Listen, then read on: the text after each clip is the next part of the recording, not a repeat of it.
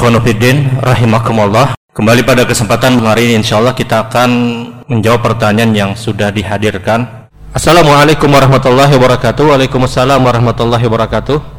Ketika kita terlambat melaksanakan sholat isya berjamaah qadarullah karena ketiduran dan melaksanakannya sholat sendiri di rumah. Apakah di dua rakaat pertama kita perlu jaharkan bacaan kita atau cukup cuman bisirkan saja? Orang yang terlambat melaksanakan sholat isya dan menjadikan dia mengerjakan sholat sendiri, apakah sholatnya dia jaharkan di dua rakaat awal sebagaimana pelaksanaan sholat berjamaah atau dicukupkan dengan sir? Tetap dia jaharkan. Kenapa? Karena keumuman sholat isya diperintahkan dengan jahar. Keumuman sholat subuh diperintahkan dengan jahar. Sebagaimana keumuman sholat maghrib di dua rakaat awal maka diperintahkan untuk jahar.